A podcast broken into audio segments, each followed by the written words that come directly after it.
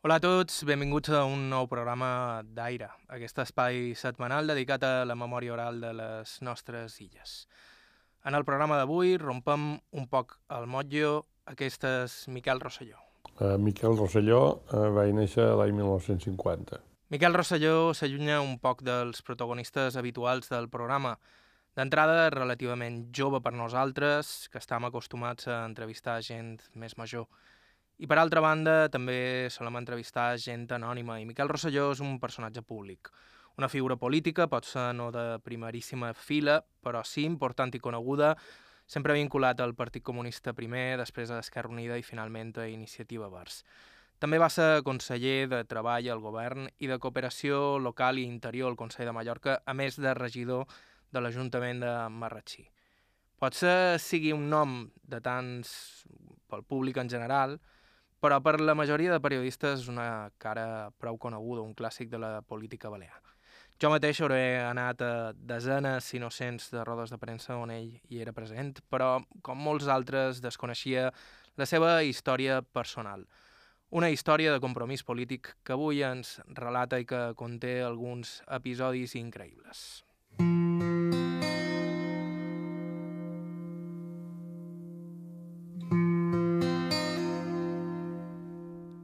Els darrers programes d'Aire ens hem endinsat en la memòria de la Guerra Civil i la repressió franquista. Han conegut la història de gent comú, arrossegada per l'onada de barbària que va suposar el cop d'estat feixista. Avui, però, coneixerem una història posterior, la d'aquella generació que des de la clandestinitat va decidir lluitar contra un sistema implacable per intentar derrocar Franco. Una generació que, a més, ho va pagar ben car. Avui a Aire la història de Miquel Rosselló, un estudiant antifranquista en les darreres cinglotades del règim.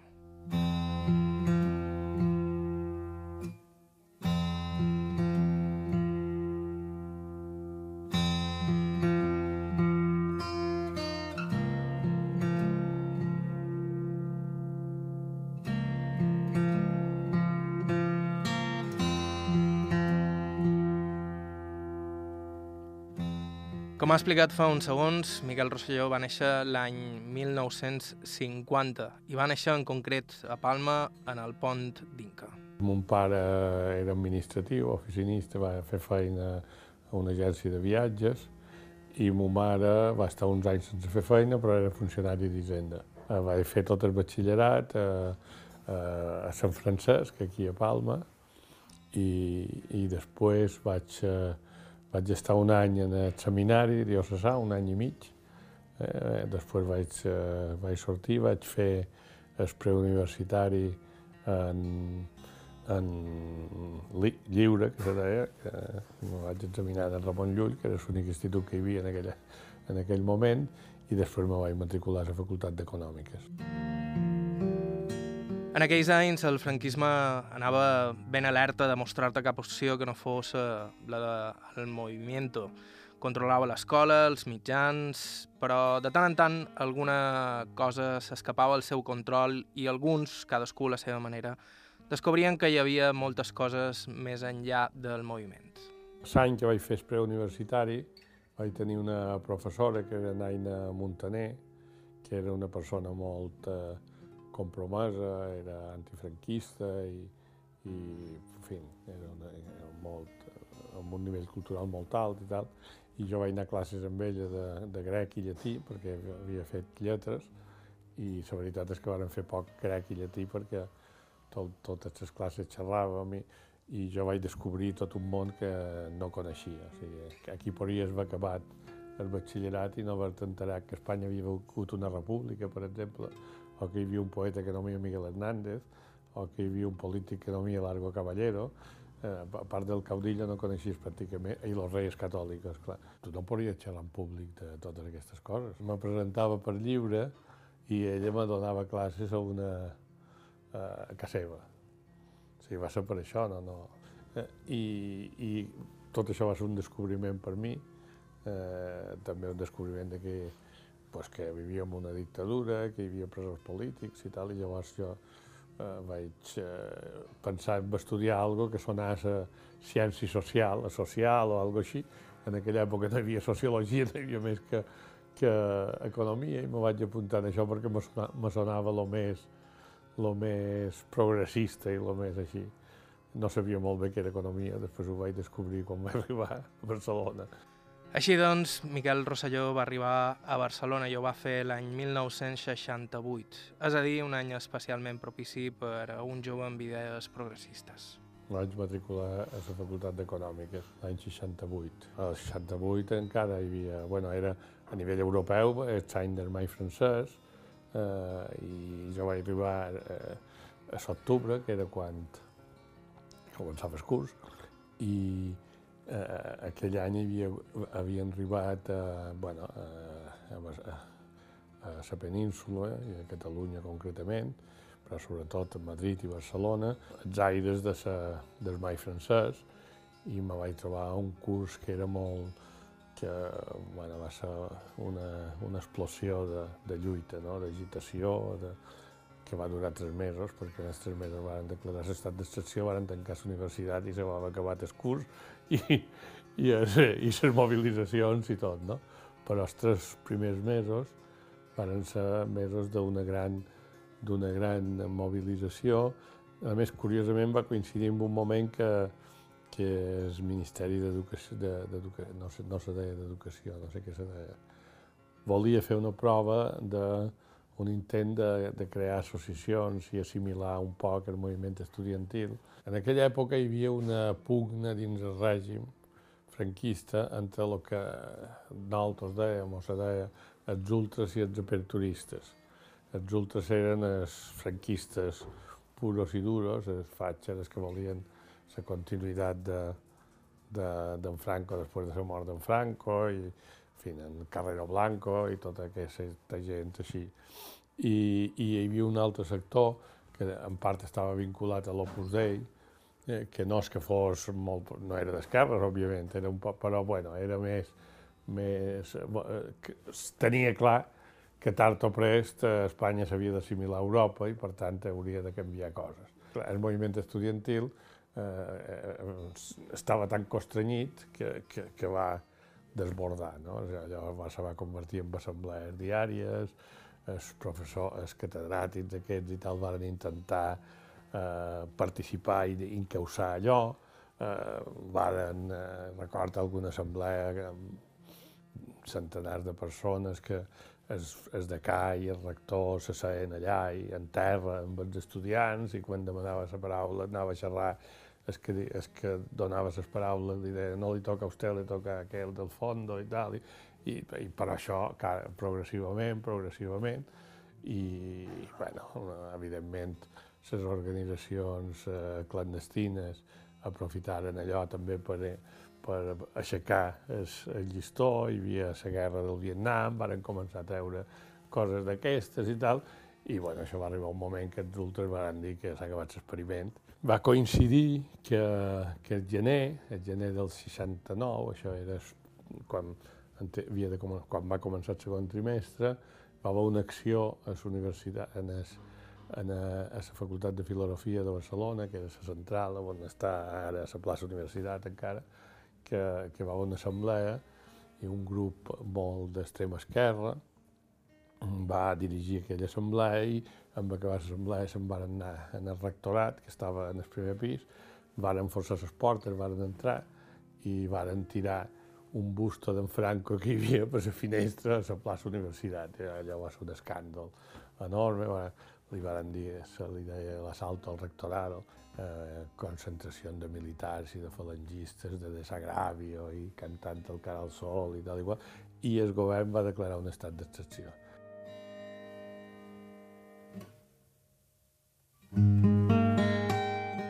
Això ho vaig, jo ho vaig viure i jo estava allà i vaig viure allò, però no, mm, no la veritat no era aquesta. Després, estudiant el procés polític d'aquests anys, ho descobreixes. La veritat és que en aquell mesos hi havia un auge enorme de lluites obreres eh, dirigides per comissions obreres, sobretot eh, en el nord, Astúries i tal, perquè bueno, la lluita obrera, quan, quan ha un moment de despega econòmic és quan els treballadors demanen, bueno, pues si ara va bé, ara és hora de... Bueno, encara, encara funciona així, no? però, però en aquell, estem parlant d'una època que qualsevol vaga, qualsevol assemblea, qualsevol, estava prohibida perquè era il·legal. Eh? Llavors hi havia, hi, hi, hi havia eh, empresaris que serien i pujaven els salaris perquè eh, els hi sortia més a compte cedir que no, que no aguantar la pressió i la vaga, i clar, això estava provocant un nivell a nivell de, de, de, de govern que va dir estat d'excepció, en l'excusa del busto d'en Franco i tal, i durant tres mesos estat d'excepció volia dir que se, eh, no sé com punyeta se podia dir això, però se, allò, o sigui, limitava ses, els drets que hi havia, que ja no era, no existia dret de manifestació, ni dret de reunió, ni dret de res, però, eh, en fi, ja tot estava... Per exemple, si tu te detenien, mm, normalment de, eh, tenia, la policia tenia tres dies per interrogar-te, que, que normalment solia ser per torturar-te, però bueno, per interrogar-te, i en el tercer dia t'havia de passar en el jutjat.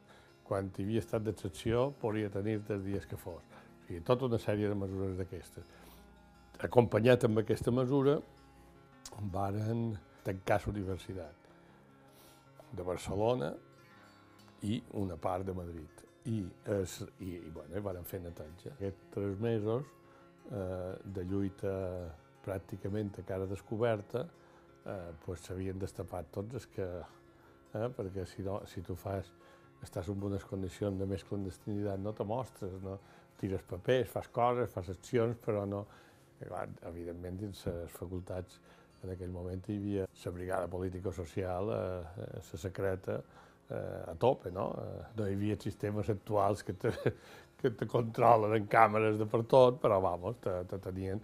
I, bueno, varen fer una notatge que quan varen tornar, varen obrir la facultat, eh, les facultats per, per els exàmens finals, el mes de maig, i en tornar ja no, jo en aquella època era una persona que no, que no participava de les mogudes com qualsevol, no?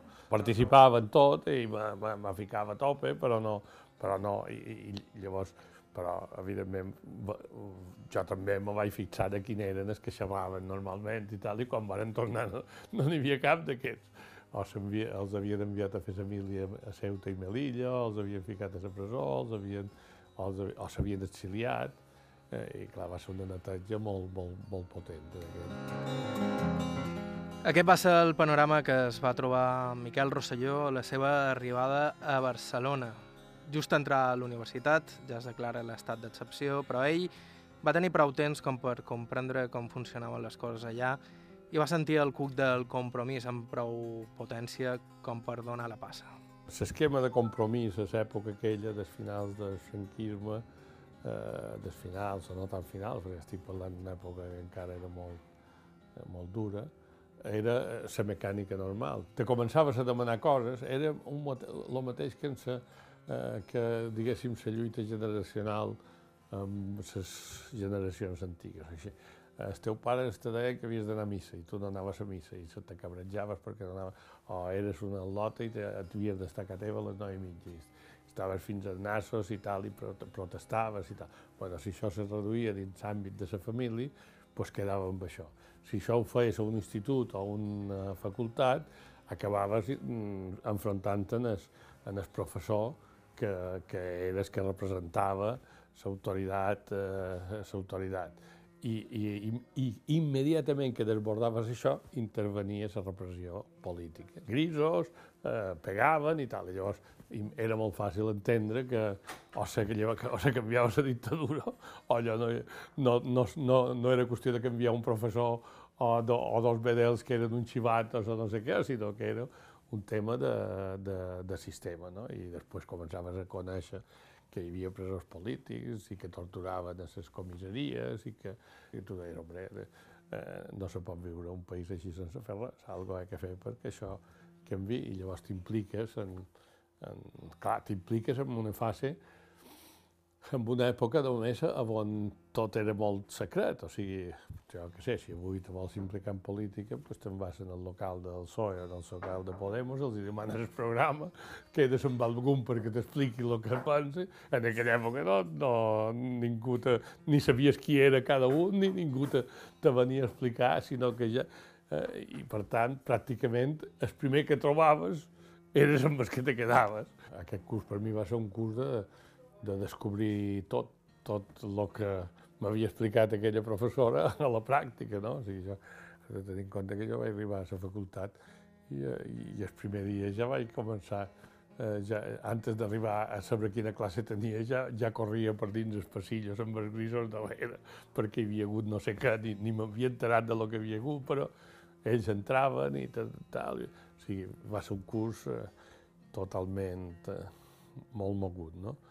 I quan va acabar, Eh, el curs següent, quan vaig tornar a Barcelona, després de les vacacions aquí a l'estiu, vaig, eh, me vaig trobar un company que me va, que me va cridar molt, d'una forma així molt, molt secreta i molt conspirativa, i me va dur un racó del bar i me va demanar si me, me volia fer despartit.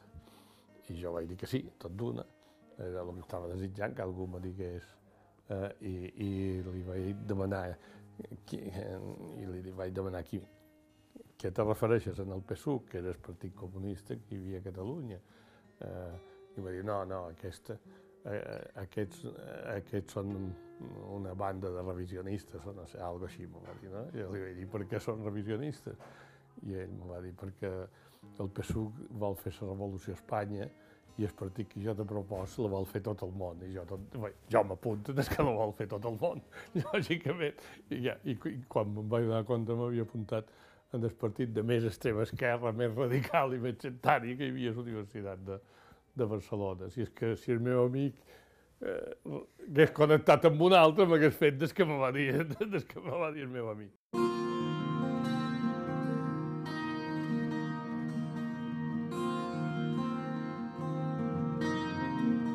Jo estic parlant de, de, de, eh, el que havia parlat amb aquesta professora, coses així, descobries moltes coses, no? que hi havia hagut una república, que hi havia hagut una guerra, perquè en Franco havia fet la guerra, perquè l'Iglésia estava amb en Franco, perquè, jo què sé, coses així, però d'això a saber quina era la tàctica i l'estratègia d'un partit, si t'agradava més aquest, ni siquiera sabia quan n'hi havia. Dins la clandestinitat sabia que hi havia gent que veia un que arribava i tirava tabetes i se n'anava corrent, seria un altre, però no sabia eh, tens un nivell de desconeixement. Jo ho he viscut des de fora i des de dins. Quan després he estat organitzat, he vist les dificultats que hi havia per explicar a la gent qui eres i per què eres això i no una altra cosa, perquè tampoc, tampoc t'entenia, quan jo no ho entenia antes, quan, eh, clar, no és allò de dir, no, doncs feim una, una conferència, una taula redona i que venguin tres i cadascú explica el que pensa i, i tu te vas amb el que més te convenç. Això no, evidentment no existia. Aquesta experiència eh, de, mm, inicial, quan me plantegen ingressar en aquest partit, que se, se deia Comitès de Huelga Estudiantiles, i era un partit, eh, una cosa molt loca, molt loca, eh, molt sectària, molt, molt reduïda. Vaig passar un any pràcticament allà i, va ser, i era, una, era una, una secta pràcticament, un, un grup molt, molt tancat, on no hi havia plantejament d'arribar a la gent a explicar coses i tal. No? Fins aquí la història de com Miquel Rosselló va convertir-se un poc a cegues i amb el seu punt còmic en un estudiant antifranquista. A partir d'aquí la cosa s'embruta, arriba la repressió. Fem una petita pausa i continuem. A IB3 Ràdio, Aire.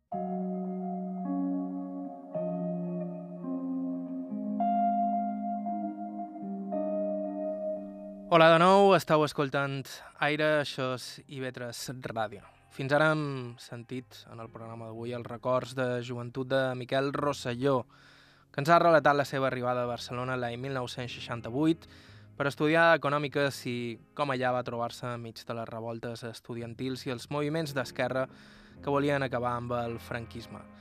Dos anys després, Rosselló pertanyia als comitès de huelga estudiantiles i va ser quan militava en aquesta organització que va ser detingut per primer cop. Me varen detenir quan jo militava en aquest partit. Es, es, el 70, eh, en, el, en el maig del 70, una detenció molt, eh, també molt especial, perquè el, eh, aquest partit tenia unes formes molt, molt clandestines d'organitzar-se, que de fet no, no t'organitzaves el grup teu, no era el grup de la teva facultat, eh, sinó que tu te ficaven en un altre grup, i eh? la qual eh, te, te feia més, te, te, te cobria més davant la, davant la repressió, davant la policia, però també t'aïllava de la teva gent, perquè llavors que eh, se suposa que tu havies de fer activitat antes que tenies de vora, no? vaig tenir la mala sort que una companya que, de, del grup on estava jo, eh, son pare se va, que era una persona de molt, en fi, un tio de molt de duros de, de, de Barcelona i molt vinculat en el règim, se va, se va sospitar que la seva filla feia coses dolentes, segons ell, i li va, va, va contractar un investigador privat que la va seguir, va descobrir el que, a on ens reuníem i, i son pare després va, ens va denunciar a la policia. El dia que mm, a on ens reuníem i la filla aquell dia quan va anar a sortir de, seu, de la seva habitació l'havien tancada en clau, no va poder sortir i, i mos va i a tots els que arribaven en el pis, que arribaren cinc, com la policia ens esperava de dins i ens anava eh, detenint a mesura que arribàvem. Ja tenia 20 anys, Llavors, si, i la seva filla també. I un pare normal diu, si se, eh, no és que aquest és un fill de puta que ha menjat el coco a la meva filla, sinó que tots estan, suposem que ell estigui d'acord que, que el que fèiem eren desbarats, i jo no, jo no vull que ell sigui, però per cada, per, per, per, cada protegir la filla i, i, i acusar els altres com si fos. Eh, lo, lo normal no és que, que és estat, que, mos, que, que hagués telefonat en els meus pares i en els pares dels altres companys perquè els respectius pares pues, mos fotessin d'hòsties o mos, o mos castigassin o mos tal, però no la policia, que, que és el que va fer, una, un, un acte que va dur que me van torturar a comissaria, que després el Tribunal d'Ordre Públic me va, me va condenar dos anys i quatre mesos de presó, on me van experientar i no vaig acabar la carrera, o sigui, me va fotre la vida, en poques paraules, aquell fill de puta, en vez de pensar que, eh, que, que, que, que, que jo m'havia enduit per mal camí, igual que seva, si a la seva filla l'havia enduit per mal camí a mi també, i a els altres tres companys també. Era l'any 1970 i el franquisme ja no era com en els anys 40, per exemple, però poca broma. Allò continuava sent una dictadura. Jo, de fet, quan vaig entrar a la Modelo, vaig estar a, a la secció de menors, perquè la majoria d'edat eren 21 anys en aquella època. I no, no, no, no o sigui, estat, no, no els havia complit en els 20 anys, els complia l'any que me varen detenir. O sigui, tenia de 9, de 9 anys. Això era el 70 i va ser molt dur. Va ser tres dies, tres dies a Jefatura de Policia de Barcelona, Via Laietana, en els soterranis, i bueno, una experiència molt dura. Vaig passar quasi, quasi més de dos dies dins una habitació, sense poder-me moure d'un espai així, d'una ratjola, amb potades en els collons, amb històries, en fi, una cosa bastant... perquè donés delatar la gent. Va donar la sort que no vàrem delatar cap de, de nosaltres, perquè si amb això me van condenar a propaganda il·legal, que se deia propagandes il·legales, i si hagués assumit que formava part d'una organització m'haguessin condenat a associació il·lícita propaganda il·legal era fins dos anys i mig i, i l'associació il·lícita era quatre anys, o sigui, encara mos va anar bé. Però, vamos, un dia, l'altre dia ho comentava amb un company perquè havia, no sé on havia sortit una pel·lícula i tal, és quan a nosaltres mos, mos, pa, mos donen, mos, mos treuen de la comissaria per dur-nos a la presó, eh, clar, allò se converteix en una festa per nosaltres. Eh, nosaltres mos fiquem dins del furgon, eh, anàvem el jutjat, en el jutjat ja era tard i el jutge no ens va poder prendre declaració fins al dia següent, varen passar el vespre dins una sala, que era la sala d'espera del jutjat, i varen fer amb uns pedaços que van trobar una pilota i van jugar a futbol i tal, perquè sortir de comissaria, encara que fos per anar a la presó, era, era un, un èxit total, no? Per tant, eh, tot, com tal de sortir de comissaria, jo som molt conscient que sí, de la forma que me van agafar a mi, eh, que m'haguessin agafat l'any 43, m'haguessin pegat un tir en el mateix pis on vaig entrar. o sigui, reconec també la diferència amb anys anteriors és, eh, és infinita, no? però encara no era, el, després he estat detingut aquí a Palma, el 76, eh, per coses de tal, i bueno, allò era jauja. Però pitjor que la tortura de la policia o saber que entraries a la presó sí o sí, perquè tanmateix allò dels judicis era només teatre, era haver-te d'enfrontar la incomprensió de la teva pròpia família, sinó directament haver-te convertit en els seus ulls en un traïdor. A mi me va, me va afectar molt més l'actitud dels meus pares que la que sa policia, no? Per, mm, que a més ho comprenc, no és que sigui una...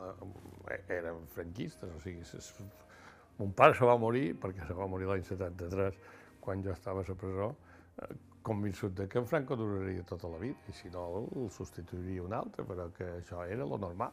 Jo me considerava un, un lluitador per les llibertats i m'imaginava Nelson Mandela i na Dolores Ibarro i no sé què, els, els herois de la lluita antifeixista i, i resulta que un pare i ma mare me considerava un delinqüent. O sigui, pensaven de jo el mateix que pensava la policia de jo.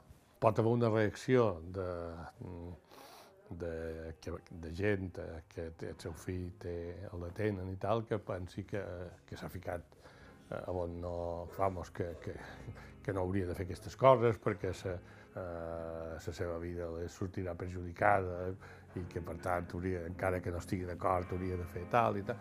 Una cosa és això i l'altra és considerar que, que, que tu ets un, fi, de la, un membre de la, de, del, comuni, sí, del comunisme masònic i de no sé què, quantes coses, eh, vendido a l'estranger que volia acabar amb en Franco, que era el salvador de la pàtria.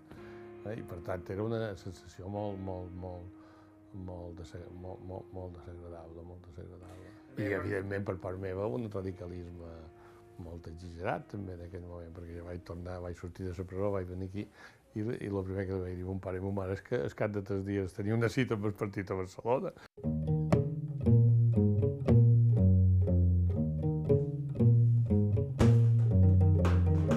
Han sortit de la detenció, de això que vos he contat de la família i tal, arriba a Barcelona, i me'n vaig a tenir una cita. Eh, o sigui, eh, funciona, l'esquema de la clandestinitat és un esquema difícilment comprensible avui en dia. A tu te'n vas a, eh, jo què sé, te'n vas a, eh, ara desapareixes perquè te'n vas a Barcelona i es cap de mitja hora m'envies un WhatsApp i ja està tot aclarit, no? En aquell moment, eh, eh, si el partit, si tots eren clandestins, si jo, per norma de seguretat, jo no sabia on vivia eh, mo, ni siquiera sabies noms. Eh? De, de, si algú era amic teu personal, que ja ho era abans, sí, però si no, eh, utilitzaven noms de guerra. Per tant, hi havia un sistema que per, en cas de detenció o de desaparició o de, de líos d'aquests, tenies una cita eh, que sabies que havies d'anar una hora a una banda i tornar al cap de no sé quan, ara ja no me'n recordo, però al cap de dues setmanes, al cap de 15, fins que, fins que enganxaves. No? amb aquest sistema jo me vaig anar a la cita i me vaig trobar un company que me va comunicar que el partit s'havia dissolt. Era un grup tan minoritari, tan estrambòtic i tal. I, però ja me va anunciar tot d'una que ja havia trobat un altre que era més coherent que aquell, que era, eh, era un grup maoista. En aquella època el de Mao estava molt de moda i se deia estudiantes marxistes-leninistes. I me vaig ficar en aquest grup immediatament el qual també és, una, és un nivell de... Clar, jo, estava en llibertat provisional, o sigui, estava esperant un, un judici en el tribunal i va ficar, me vaig ficar en aquest grup. I aquí ja va ser un, era un grup que també era, diguéssim, tenia un plantejaments eh, molt, eh, molt utòpics, per dir-ho d'alguna forma, però ja, ja, ja havia canviat radicalment. Era un grup que actuava dins, eh, com si fos una organització més sindical dins l'universitat. O sigui, denunciàvem els catedràtics que eren dolents, o els que, no, els que feien eh, fallos, els que feien corrupció, els que tal. Bueno, està, eh, connectaves amb, amb el sentiment de, de oh, que els apunts no estaven ben fets o que tenien dret a tenir no sé què i resulta que no els donaven i va, fèiem un, uns cartells que els penjàvem allà denunci, denunciant les coses. Tot això se feia en la policia de dins, entrant i sortint, o sigui, era de, de lo que he dit abans, de l'etapa aquella, se va passar una etapa en què havies d'entrar a les facultats mostrant el carnet termini dels policies. I els policies entraven dins el, dins el hall, per, per, per feies una assemblea, i sabies que tenies 3 o 4 minuts, havies de dir el que fos, perquè arribava la policia i, te, i, i te, o penjaves aquest cartell que he dit, que cada dia, eh, i, te, i te venien i te'l desmuntaven i millor tardaven 10 minuts o... En fi, aquí va, varen començar a tenir un nivell de, de militància, de, de, de, de contacte, de relacions amb molta gent. Jo era un poc el que feia s'encarregat del meu grup de fer els mítings quan havia de parlar a les, assemblees i tal, però era el mallorquí i era el, el mitiner oficial, el qual també, fins a tu, estava, estava esperant un judici Claro, que m'ho tenien vigilat, el que passa que no, no te, per lo alta ja no passaven pena perquè quan arribés el judici ja sabien que me cauria el que me va caure.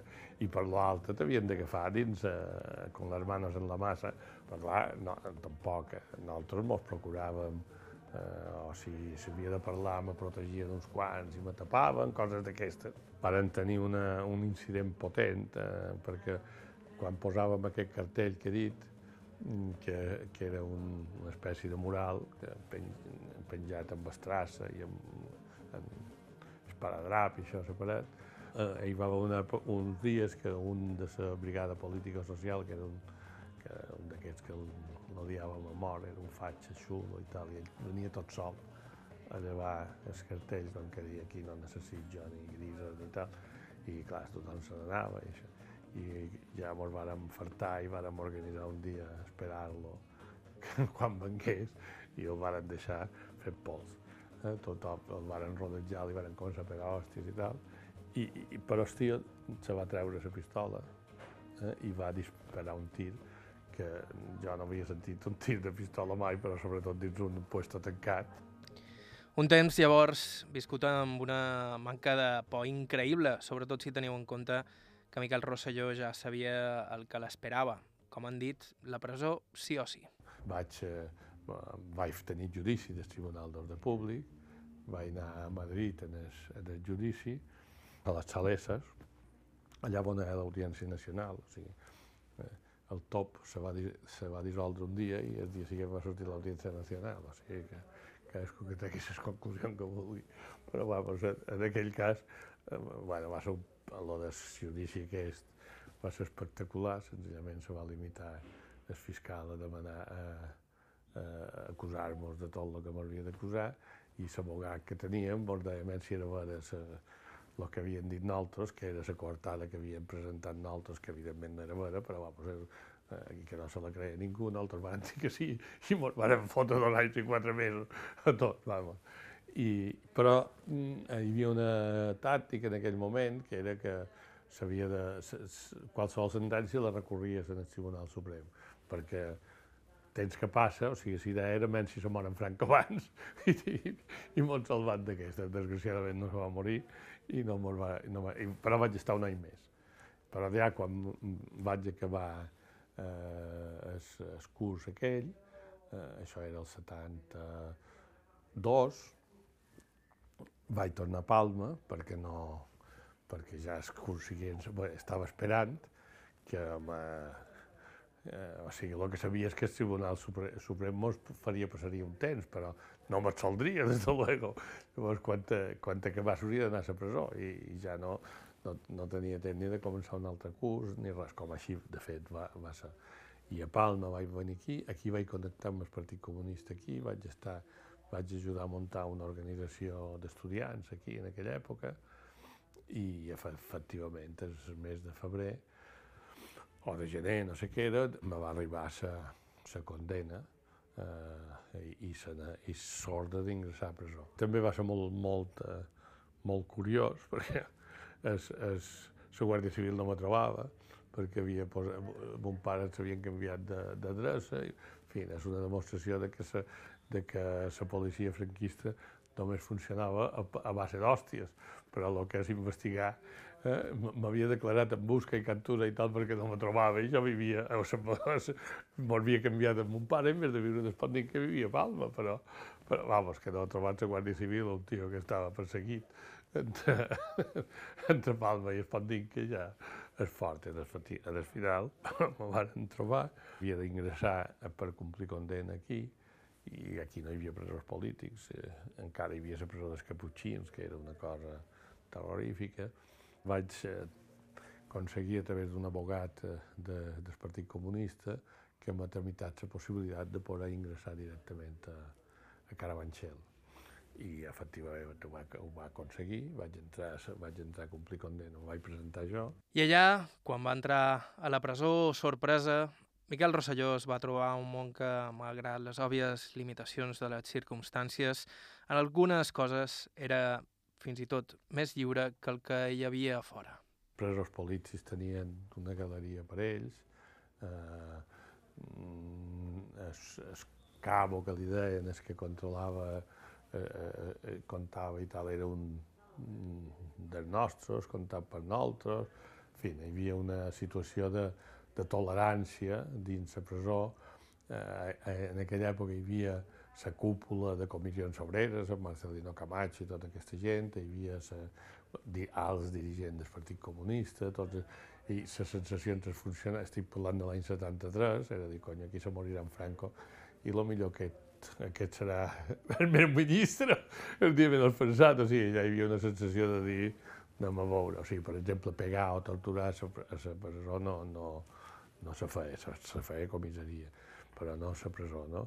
Jo vaig entrar allà, eh, vaig, me van endur a una cel·la de, de prevenció, que se deia, que tres, tres dies te tenen aïllat antes d'entrar. Vaig estar els tres dies, ja vaig notar una diferència brutal, perquè ja es cap d'un parell d'hores d'estar a la cel·la ja vaig trobar un, no sé qui va passar un paperet per davall la cel·la, el vaig llegir, me va dir que deia, ja sabemos que has llegado, si quieres algo ja sabes, i després vaig saber que el partit tenia un tio a les oficines que l'havia ficat allà, que s'enterava quan arribava la gent, tal. i quan vaig passar els tres dies me van passar a la, a la galeria, i bueno, no hi havia pràcticament ningú, me van donar el pati, en el pati hi havia una, uns al·lots joves que jugaven a, la pilota basca, això de fronton, i m'ho vaig acostar a ells, i els vaig saludar, i em van saludar, i tu, de d'on eres? Ja va ser el primer xoc que vaig tenir, no? perquè estem parlant d'una època que en el carrer eh, totes aquestes coses no se deien, jo dic, jo, de Mallorca. Diu, no, no, de què partit eres? Jo dic, jo del Partit Comunista, i, i dic, i, i, i, i tu? I ell me diu, jo de la ETA. Y, digo, y yo digo, no hay nadie del Partido Comunista aquí. Sí, hay muchos, pero ahora tienen una asamblea. Cuando salgan te los presento. o sigui, allò era un... De fet, per exemple, la biblioteca que tenien clandestina allà, perquè tenien llibres, vaig trobar llibres que no havia trobat aquí, eh, a cap llibreria, en fi, eh, hi havia una sensació... Allà sí que podia xerrar de... Clar, no te podien detenir, ja estaves detingut, no? I allà xerraves. A més, tothom sabia perquè estava, i per tant no, no, no, no se destapava res. Per exemple, perquè vos fos una idea, jo a, a Carabanchel no vaig menjar mai ranxo. Totes, cada vegada, cada dia rebíem menjar d'alguna associació de solidaritat, o de dones d'un barri o d'un altre barri, o no sé què, me'ls duien eh, el menjar fet i tal. No? Jo, per exemple, venia del, del Partit Comunista aquí a Mallorca i tenia molta més informació a Carabanchel que la que teníem aquí, perquè allà hi havia la direcció directa la direcció de París connectava directament amb Madrid, l'equip d'abogats eh, era els que entraven les comunicacions, tot te cridava un abogat i l'abogat t'informava de lo que t'havien d'informar. Eh, de lo que, de fet, hi ha una pel·lícula que l'han donada qualque vegada per televisió, que, que, la va, que la va filmar, que se va donar per la televisió sueca, que, era un, que és un moment que en el pati de Carabanchel, amb Marcelino Camacho i tots els detinguts del procés Milú van caminant per allà aquesta pel·lícula jo vaig participar en la seva filmació sense saber que, que hi participés, perquè me van dir un dia tu te cridarà un abogat i te poses allà i estàs fins que te diguem i si ve algú pel passillo aquell m'avises. eh, jo no sabia per què era, i era perquè n'hi havia uns altres, un altre, una altra banda i tal, i és que filmava, que pogués filmar sense que, sense que el descobrissin, no? Hi havia un, un, era un altre nivell evidentment, una, un nivell de gent, això sí, estaves en gent que potser duia 20 anys a la presó, que tot, també és un altre element eh, des del punt de vista psicològic, no? Eh, jo era un alumnat de 21 anys en aquell moment, ja havien complit els 21, això, i, i te trobaves amb un tio de l'edat de ton pare, que resulta que era un dirigent clandestí de, de feia no sé quants anys, que s'havia jugat el collon passant per la frontera, que no sé què, que no sé quant, i tu els miraves com si estiguessis mirant Sant Pere, no? Eh, hi havia una espècie d'admiració per, per, per, per tot aquest... O arribava un de, de, de la construcció, de tal, nosaltres teníem una certa eh, idealització de, dels obrers, no? És que nosaltres érem els intel·lectuals, els, els estudiants i tal, però ells són els que lluitaven de veure les fàbriques i tal, i allà n'hi havia la tira, no? Les comissions obreres i de tot això. Després d'un temps a Carabanchel, Miquel Rosselló va ser traslladat a la presó de Jaén, on de nou estaria envoltat de presors polítics. Me van enviar a complir condena a Jaén.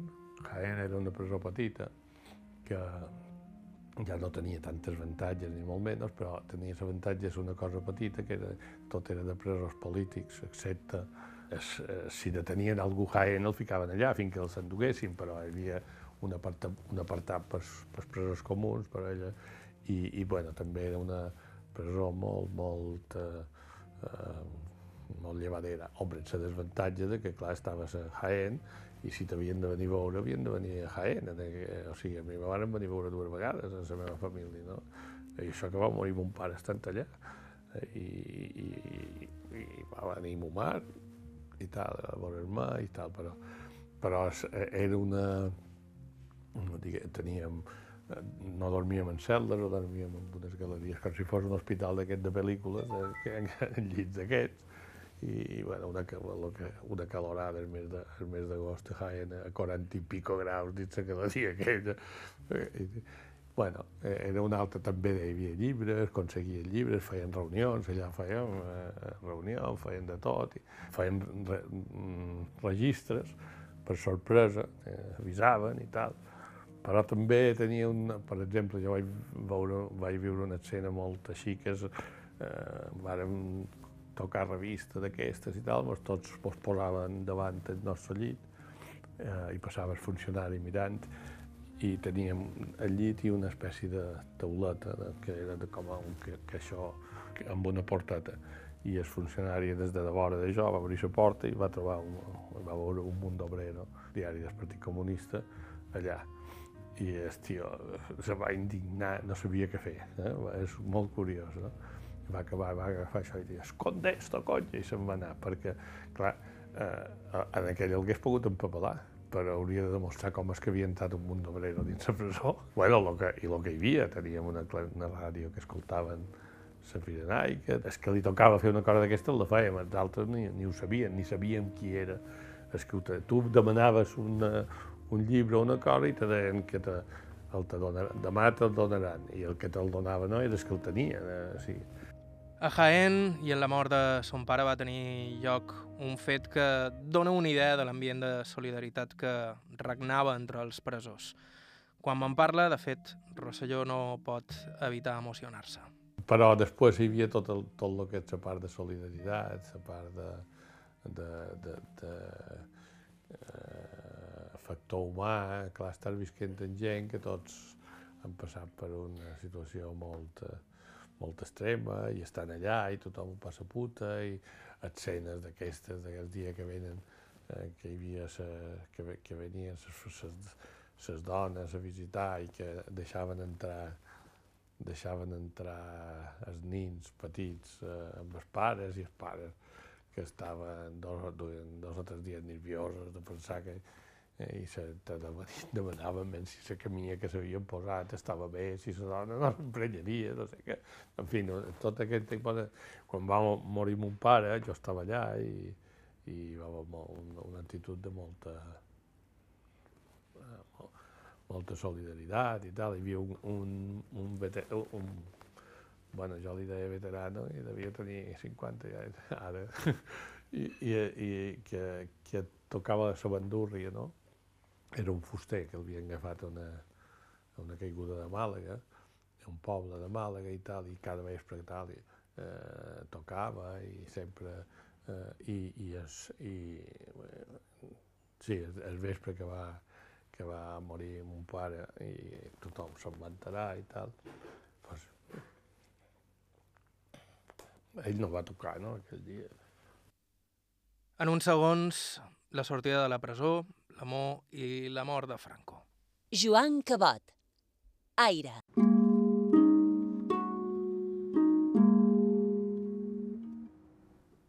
Hola de nou, estàu escoltant IB3 Ràdio. Avui en aquest nou episodi d'Aire, aquest espai setmanal dedicat a la memòria oral, estem escoltant les memòries de Miquel Rosselló, personatge prou conegut dins la política balear.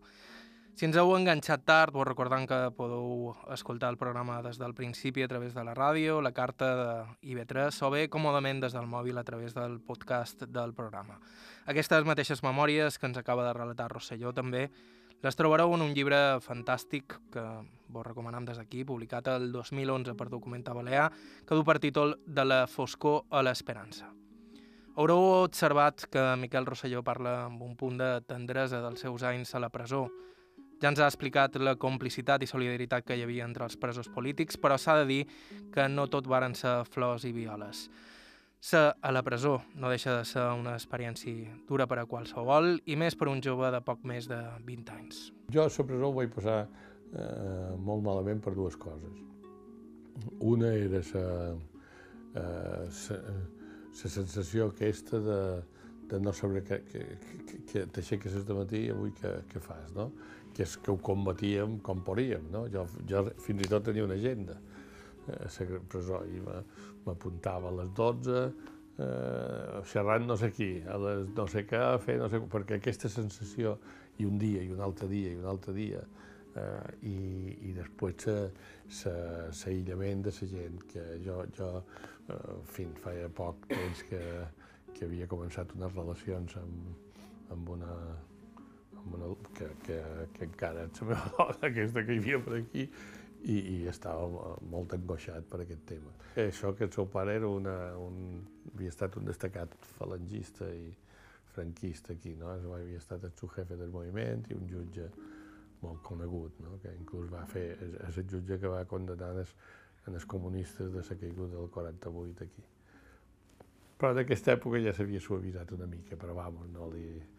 De, de fet, eh, un, dia, un dia que, la seva, que parlant amb sa mare, sa mare li va dir però què, què fas amb un tio que el dia ben pensat el troben, el troben amb un tir per una cuneta? Això és el que passava a la postguerra. En el 70 ja no passava, però vamos, com que dic, has d'anar a, a, a ficar-te en un mort de, un mort de fam que està... Eh, però així mateix son pare després va fer una gestió per intentar que me passassin a tercer grau. Tercer grau era eh, això que estàs un puesto que pots, pots anar a fer feina durant el dia i tornar al vespre, i li va demanar al president de les Corts en aquell moment, que havia estat company seu, falangista, i aquest dia li va contestar que, que, que, que, en fi, que, que t'hauria de fer vergonya d'intentar enxufar un comunista i tal i qual.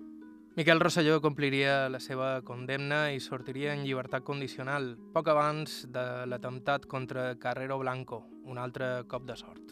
Quan vaig sortir d'allà, vaig, eh, bueno, vaig sortir en llibertat condicional, que això vol dir que tens que anar a firmar eh, cada setmana durant uns mesos i que si passa alguna cosa te, te tornen a, a entrar. Jo vaig sortir su de desembre del 73 i si m'hagués tocat sortir 21 dies després ja no hagués sortit, perquè va ser quan varen volar en Carrero Blanco i totes les llibertats condicionals varen quedar eliminades. I finalment, la mort del dictador. Deia la mort d'en Franco molt, molt, molt, molt bé. Bé des del punt de vista personal, no? Recordo que vàrem anar a fer una paella i ens vàrem engatar no sé quants, un parell i tal, però molt discretament, o sigui, la consigna aquella és que, que no dormíssim a casa nostra, o sigui, nosaltres mos esperàvem una, una ràxia, no? A la presó, de fet, estava, va estar a, a, a, Madrid i va haver intents de, de saltar la presó per fer una noche de cuchillos largas i coses d'aquestes. O sigui, nosaltres érem plenament conscients que se moria en Franco, però que no se moria el franquisme encara.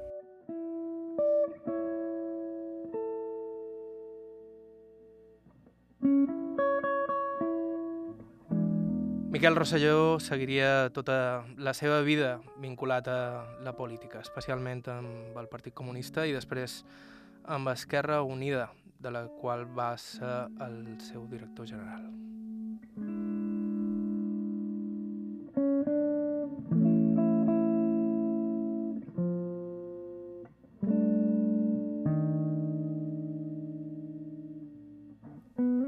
Moltíssimes gràcies a Miquel Rosselló pel seu temps i les seves memòries i moltíssimes gràcies a Cesc Mulet que va ser qui ens va posar sobre la seva pista. Ens podeu seguir a Facebook, Aire IB3, a Instagram, Aire barra baixa IB3 i ens podeu escoltar a Apple Podcast o qualsevol servei similar i també a la ràdio La Carta d'aquesta casa. Us recordam que alguns dels materials d'aquest programa formen part dels fons, dels arxius del so i la imatge dels Consells de Menorca, Eivissa i Formentera i també de l'Arxiu Oral de Mallorca de la Fundació Mallorca Literària Consell de Mallorca.